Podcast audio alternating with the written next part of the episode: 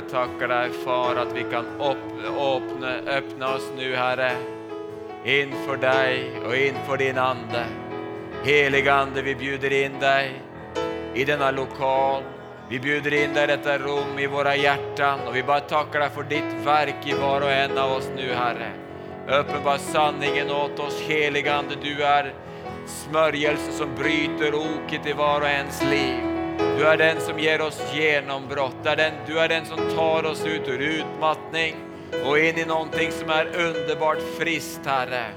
Åh Jesus, jag tackar dig för att det är lägedom, lägedom ifrån dig och ditt försoningsverk till ande, kropp och själ Herre. Att du vill att vi ska må bra och vara friska så som våra själar mår bra Herre. Och att du är vår själs herde och vårdare. Och vi bara tackar att vi kan ta emot dig som vår själs vårdare den här kvällen Herre. Kom heligande Ande och möt oss med den här underbara smörjelsen som binder upp de sönderbrutna hjärtan Herre. Ja, vi prisar dig för det i Jesu namn. Amen. Underbart. Varsågod och sitt. Eh, vi ska ta tid att betjäna och be för människor här idag. Och, och, men innan vi gör det så ska jag bara dela några tankar med dig. Jag kan inte lova att det blir min livs bästa predikan, men jag ska få göra mitt bästa. Eh, jag, jag, sa ju lite tidigare att eh, eh för mig så var det superviktigt, eh, för er som inte var här eh, tidigare idag, så, är det, så hade jag eh, de sista åren, jag sa att jag är inte mått så bra. Och jag tror faktiskt att jag talar sanning nu. Eh, eh, som är på väldigt många år som jag gör just den här terminen. Just på grund av det att jag har haft en del genombrott. Herren har varit väldigt nådig och han har tagit mig igenom en fas av ganska intensiv smärta. Och så som det var när jag var utbränd för några år tillbaka och så som det var nu också, så hade jag behov av att komma till lite djupare insikter i vad det är egentligen som driver mig. Anita sa det väldigt bra, vilken är den mest grundläggande känslan du går och bär på? Eh, som hon säger att de, dessa känslor samlas upp av hypotalamus och så skickas det signaler ut i kroppen där vi agerar utifrån den information som samlas upp i hjärnan. Och går vi då med en känsla av konstant otillsträcklighet, att vi inte riktigt alltid är framme, att det alltid är någonting mer som ligger framför oss, så är det klart att det påverkar ju hela kroppens mående. Och där i så ligger det också en del av de symptom som man får eh, genom överbelastning. Och jag hade ju en plan, jag, jag sa till min fru att Eh, min fru är född och uppvuxen i Afrika och har alltid haft en längtan efter att bli missionär. Nu är ju vi norrmän så jag har försökt att sälja in till henne att vi är missionärer i Sverige. Men den tanken tycker inte hon helt stämmer med hennes eh, barndomsdröm om man säger så. Hon vill bo i ett varmt land. Eh, och, så jag brukar säga att hon är vit, hy och hon har ett svart hjärta brukar jag säga. Så att, eh, eh, men när det, blev, när det blev som mest stressigt och jag mådde som dåligst i det så, så fick vi också ganska, eh, ganska, ganska intensiva frågor måste jag säga om att vi inte, om vi inte kunde åka till Indien och ta hand om vårt arbete i Indien. Och då tänkte jag så här att jag klarar inte av den här stressen längre. Så jag tänkte nu ska frugan få det som hon vill. Så då sa jag till henne att men du, jag säger ja till att åka till Indien. Nu ska vi göra det här för din skull, sa jag. Varför ska vi alltid liksom leva utifrån vad som är, har varit på något sätt min kallelse? Och hon blev superglad. Eh, så hon var glad i två dagar och jag kände, mm, det här stämmer inte i två dagar. Eh, och jag pratade lite då, alltså, som jag nämnde tidigare, så gick jag i terapi hos en syster i församlingen och hon sa att det kommer inte att vara något annorlunda för dig i Indien. Du kommer att vara lika stressad i Indien som det du är här i Uppsala. För problemet är inte Uppsala, problemet är här inne någonstans. Eh, och då, det var ju då jag fick liksom komma till den punkten där jag liksom insåg att jag, eh, så många med mig, eh, alls inget unikt i det, går och bär på den här känslan av att vara lite otillsträcklig. Den här känslan av att alltid behöva prestera för att känna att man duger. Och Gud har aldrig skapat oss på det sättet. Jag älskar David. Om du vill gå till Psaltaren kapitel 139. Eh, jag jobbar mycket med yngre människor i vår församling och är bland annat då ansvarig för vårt traineeprogram.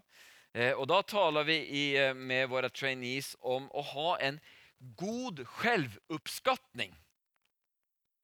Det betyder att man mår bra av det man ser i spegeln. Inte för det att man är en fullkomlig individ, för det är ingen som tycker om fullkomliga människor. Jag menar, hur bra känner du dig om du har någon som är 100% perfekt på alla livets områden bredvid dig? Det är ingen som tycker det är roligt. Perfekta människor är ju bara tråkiga, eller hur? Men ändå så inbyr vi oss själva att vi måste vara perfekta hela tiden. Och så är vi superstränga med oss själva på de områden där vi inte är perfekta.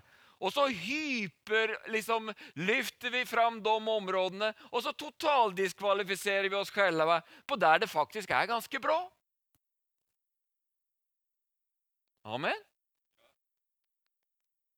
Och det där är ju inte så som Gud har tänkt det. Gud är ju helt motsatt. Han ser oss i Jesus Kristus. Han ser oss som perfekta. Jag älskar ett av mina absolut favoritord i skriften. Det är Hebreerbrevet kapitel 10 och vers 14. Och är det någonting jag har fått jobba med så är det hur jag ser på mig själv utifrån hur Gud ser på mig. Gud är ju skaparen av alla ting. Och om han vet, jag menar om han säger någonting så är det så det är. Hans sanning Eh, eh, råder eh, vad heter det, högre än vad mina känslor säger.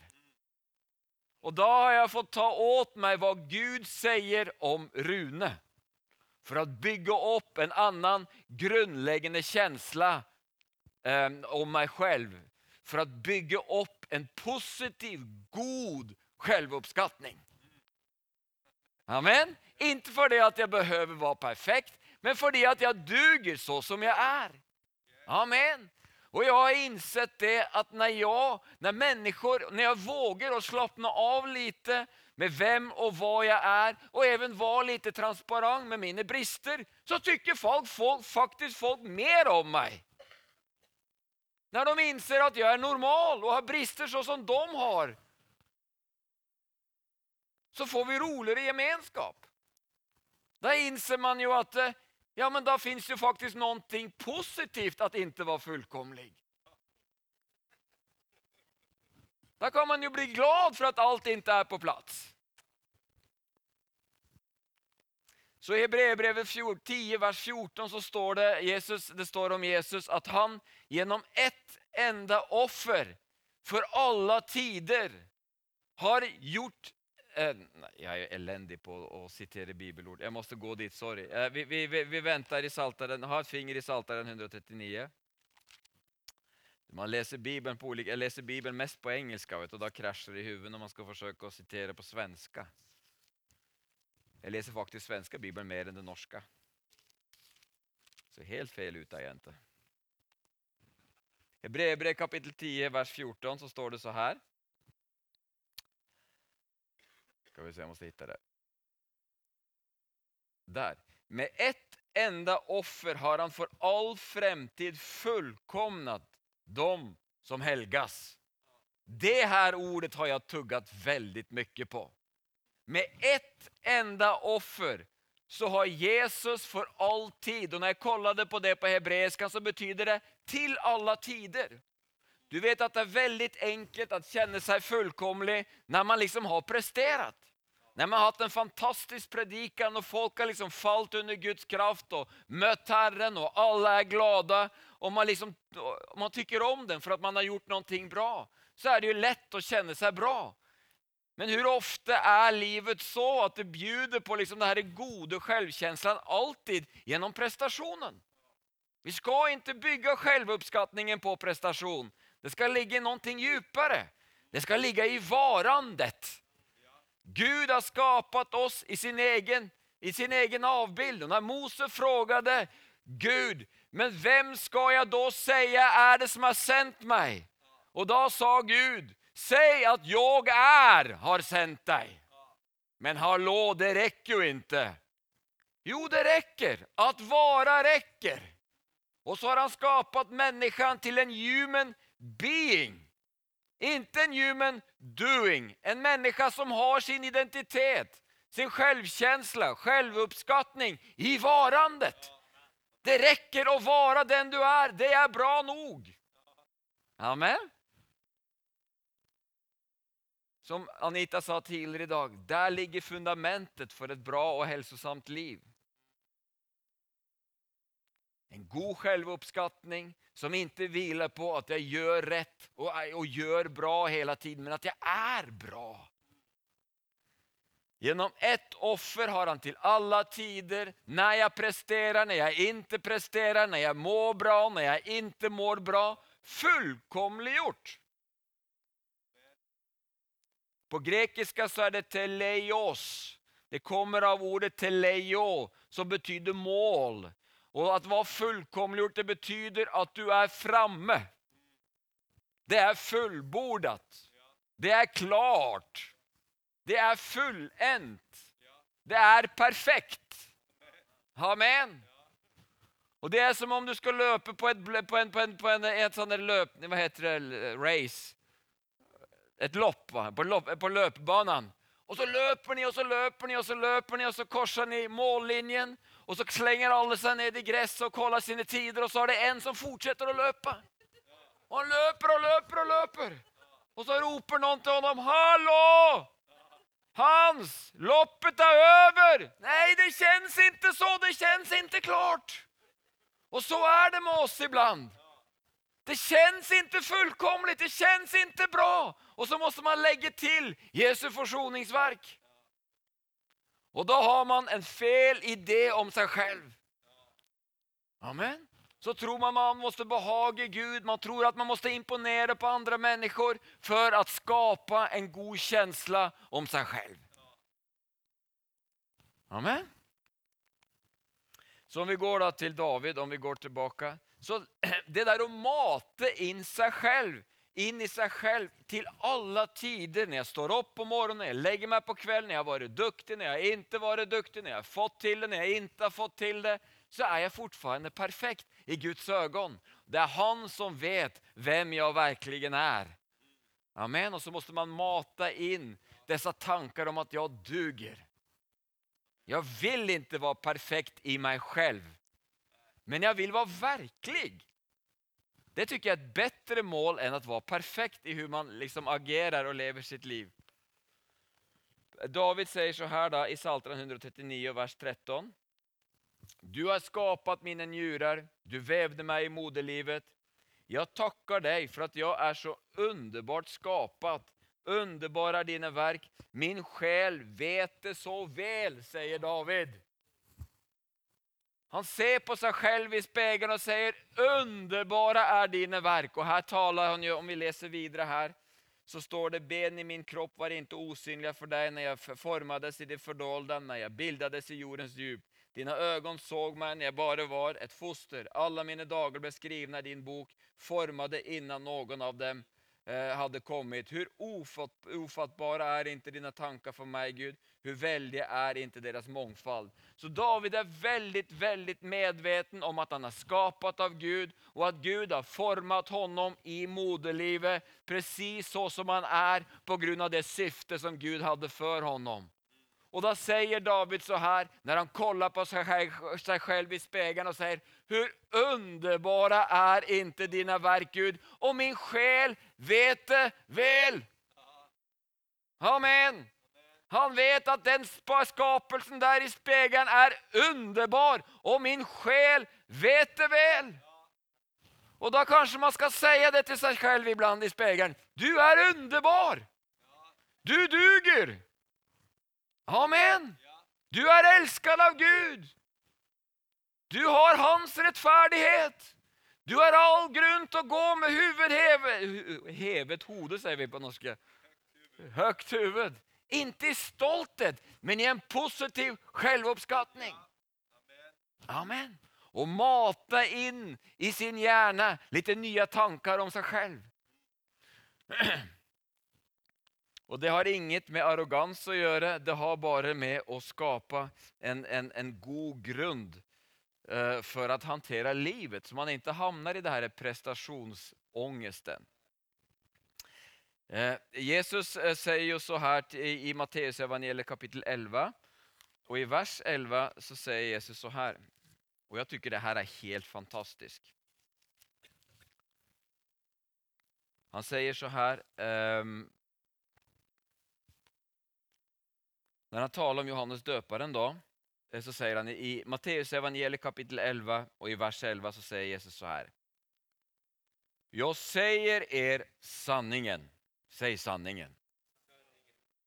Bland dem som, är, som fötts av kvinnor har ingen trätt fram som är större än Johannes döparen. Och Det här är ju ett fantastiskt betyg på Johannes döparen, eller hur? Vi pratar ju liksom om Mose här. Mose var ju rätt stor i Guds ögon. Mose liksom, han stod och pratade med Gud framför ingången till tabernaklet och hela härligheten låg över tabernaklet. Och Mose stod där i härligheten och talade med Gud som en man talar med en annan man ansikte till ansikte.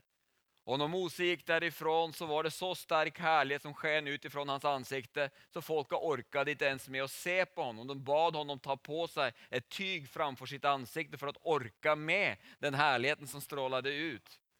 Och så säger Jesus så här att ja, det där var superbra, men Johannes döparen, det var bättre. Jesus hade en jättedjup respekt för sin släkting. Amen. Men det slutar inte där. Vet du vad det säger vidare?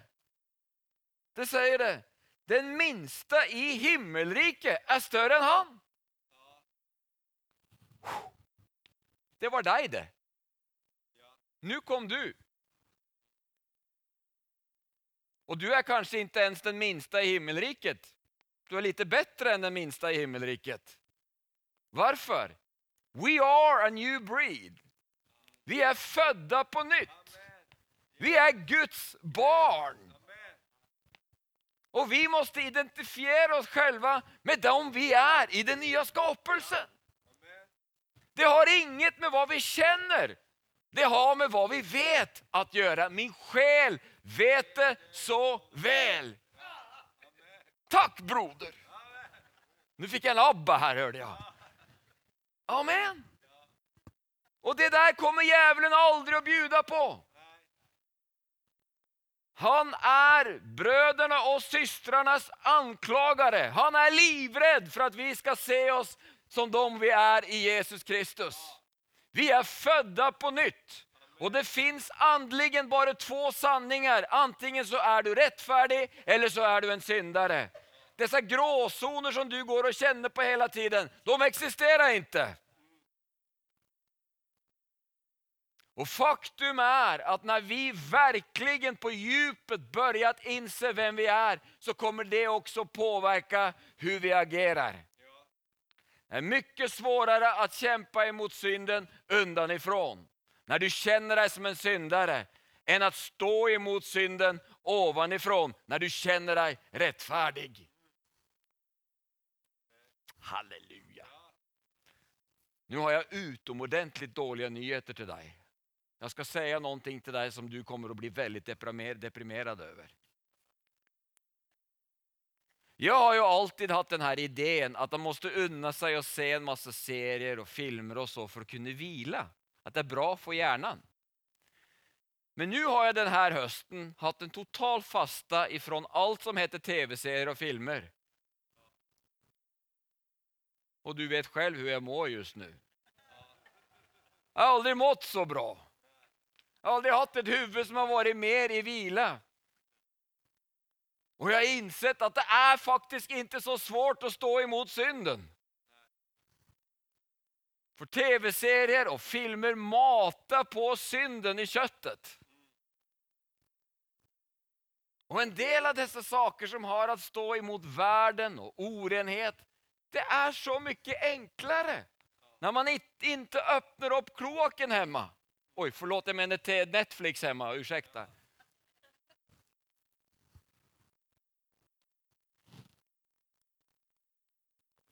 Och jag menar inte att man ska vara total asket, men det jag menar är att när du ser dig själv som den du är i Kristus, så finns det en hel massa saker du inte är sugen på att göra.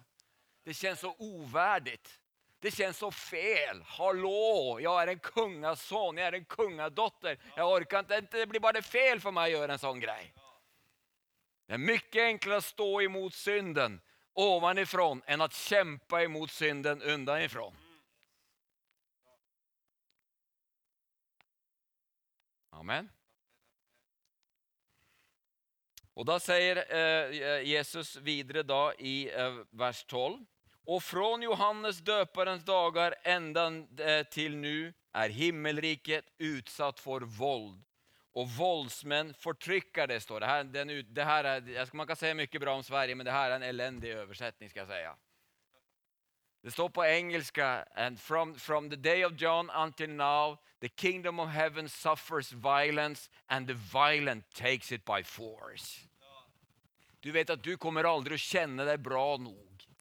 Du kommer aldrig att känna att liksom djävulen klappar dig på skuldran och säger men nu är du framme. Han kommer alltid att försöka trycka dig tillbaka. Och det finns en kamp i att leva i den sanna identiteten i vem man är i Kristus. Och då måste du riva det till dig med våld. Du vet att jag växte upp med en grundläggande... Ja, man, ska, man ska vara försiktig med att inte liksom... Eh, eh, om man säger inte ära sina föräldrar, men ibland så måste man vara ärlig också.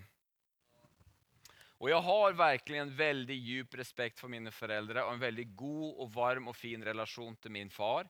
Men jag måste också säga att den relationen har varit väldigt komplex för mig. Och det har ju med min uppväxt att göra och det har väldigt mycket med hans egen uppväxt att göra. Han hade enormt svårt att se någon annan och uppmuntra någon annan.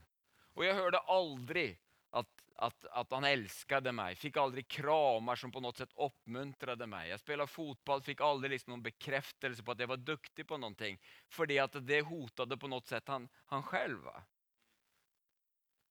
Och då är det, och det är så att, och Gud har ju skapat det på det här sättet, att våra föräldrar skapar den bilden vi har av oss själva. När jag läste den här boken om hjärnan, den frontala loben, där, ligger, där är vår, vår, vår identitet. Och den tar flera år på sig att växa till. Och den växer till genom de signaler vi får ifrån vår omgivning. Och då har Gud skapat det så att vi speglar oss själva utifrån hur andra människor agerar emot oss. Vi har någonting som heter spegelneuroner i hjärnan. Och det är dessa hjärnceller som, som hjärnan använder för att vi ska kunna spegla oss i vår omgivning. Och då blir sanningen om mig och den grundläggande känslan jag går och bär på, det blir hur mina föräldrar, speciellt mina omsorgspersoner, agerar emot mig. Och om de har fått svårt att bekräfta mitt värde så kommer jag att växa upp med ett låg, en låg känsla av värde. Och det sitter så hårt, så grundläggande i den inre strukturen att när du ska börja jobba emot det så känns det som att jobba emot gravitationen. Det känns totalt onaturligt. Och börja säga till sig själv, Rune, du är ju underbar! Ja, men det är jag ju inte. Jo, Rune, du är ju underbar! Du duger! Och så måste man liksom bryta en massa gamla tankebyggnader och så måste man bygga upp nya sanningar. Men det underbara är att hjärnan är vad Anita skulle säga, plastisk. Den är förändringsbar. Amen! Den förändras, det skapas nya banor, det skapar nya nervceller. Nya sanningar som börjar flöda i banorna i hjärnan. Och så kommer nya känslor. Amen! Och plötsligt en dag så står du upp och så ser du dig själv i spegeln och så känner du Halleluja! Så har du en god självuppskattning. Ni är jamme mig svårköpta i Norrland alltså. Käre min tid. Skicka mig till Ryssland. Nej då.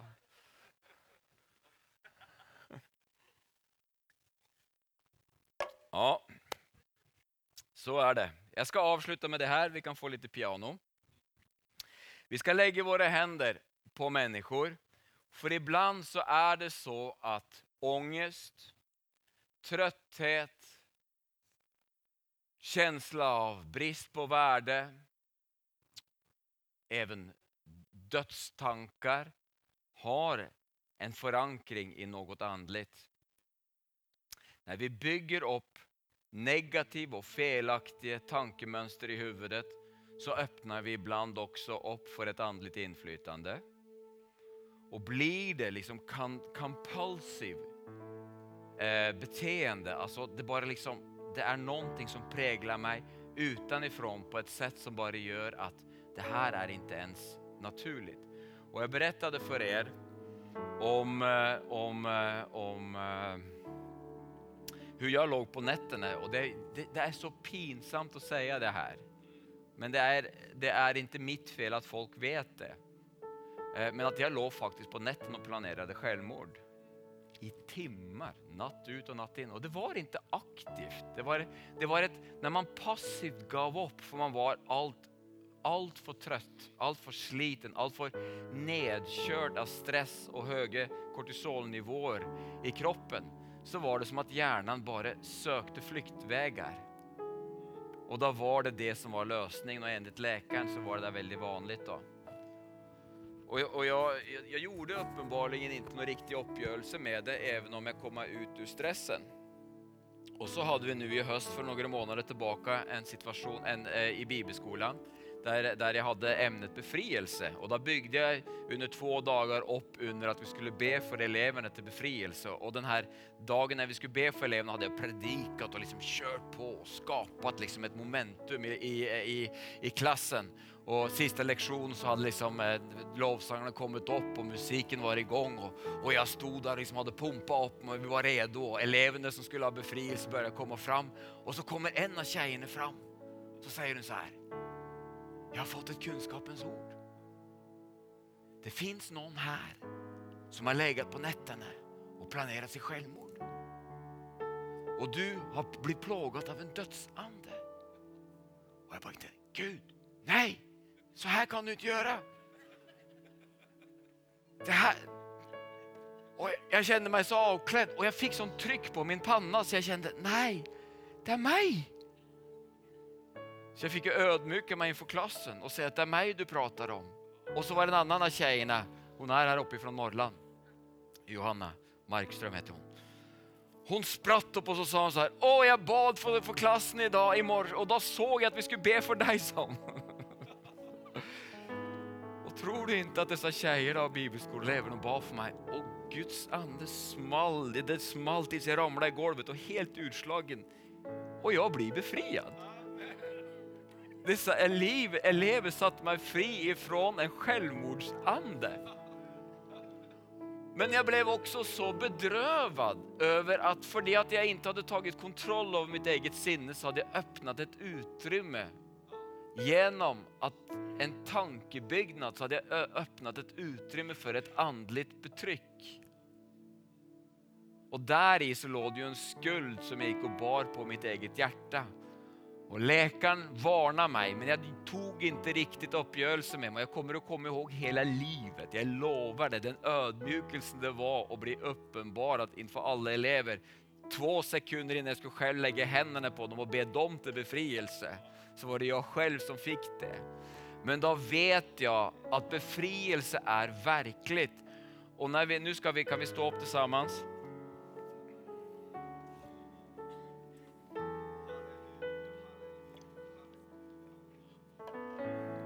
Och nu har vi berört en god del punkter. Vi har berört, och om du liksom nu, jag har en bild nu nämligen i huvudet och jag tror det är den heliga ande som har gett mig en bild nu. Och jag ser en bild av att du står i ett bur, men dörren är öppen. Och du bestämmer dig för att du ska kliva ur olika typer av beteenden och tankemönster som du känner har blivit konfronterad under den här dagen. Kanske du måste ta itu med en självkänsla som du bara vet är fel. Kanske ska du ta itu med saker du bygger prestation och känsla, självkänsla runt som har med yttre, hur du ser ut, vad du gör, vad du presterar. På något sätt så har du byggt upp en avgud som ger dig en självkänsla där du känner att det här är obalanserat. Det är underbart att känna sig duktig. Om jag har hållit en god predikan och jag vet att människor har fått eh, hjälp så närs jag också. Jag, det känns bra liksom att prestera, man får dopamin. Liksom det som hon berättade om att när du presterar det kopplat till frukten i ditt liv så känner du liksom ett välmående. Det är bara positivt att göra det. Men att bygga upp en identitet runt vad man är bra på, det kan gå över till ett avguderi. Då. Och om du känner att du behöver att ta en uppgörelse med vissa saker och du skulle vilja ha förbön där du även antingen bekänner eller du får eh, ett gudsmöte till ett helande eller om vi även talar om befrielse kopplat till, eh, till ångest runt prestation, eh, eh dödstankar och så vidare så är vi ett eh, team här som ber för dig idag.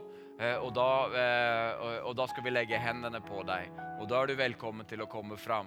Så det är en bred inbjudan idag, eh, men vi vill be för dig oavsett. Var det förståeligt? Förstod ni vad jag pratade om nu eller? Var det okej? Okay? Så kan du komma fram och ska vi lägga händerna på dig. Och jag tror det är så att om jag behövde befrielse och frihet så tror jag faktiskt att, att det är legitimt att få förbön Eh, eh, inte för att jag är så speciell, men, men, men, eh, men ibland så har man den här idén att predikanten, liksom, de, de har inte samma problem som andra. Vi har mer problem ska jag säga. Så Fader i Jesu namn, tackar dig för att vi kan lägga resten av den här kvällen i dina händer Herre. Och jag bara tackar dig för att det finns en smörjelse där det du la på mitt hjärta, Jesaja 61, där Jesus, där det står om Jesus att eh, den heliga Ande är över mig för att han har smord mig att predika ett glädjens budskap för de fattiga. Att binda upp de sönderbrutna hjärtan, att sätta fångar fria, att ge syn till de blinda och öppna fängelsesdörrar, Herre. Och nu bara tackar jag för denna smörjelse är det till befrielse, till helande, till upprättelse, men även göra upp med felaktiga tankar, Herre. Och även också bara kliva in, Herre Fader, aktivt anamma och famna vad du säger om oss och bygga upp en positiv självuppskattning i livet Herre. Jag bara tackar dig för det i Jesu namn. Bra, då tar vi en lovsång och så kommer du fram och så ska vi be för dig eh, eh då, efteråt. Så under lovsången så kan du bara komma fram och så ska vi be för dig.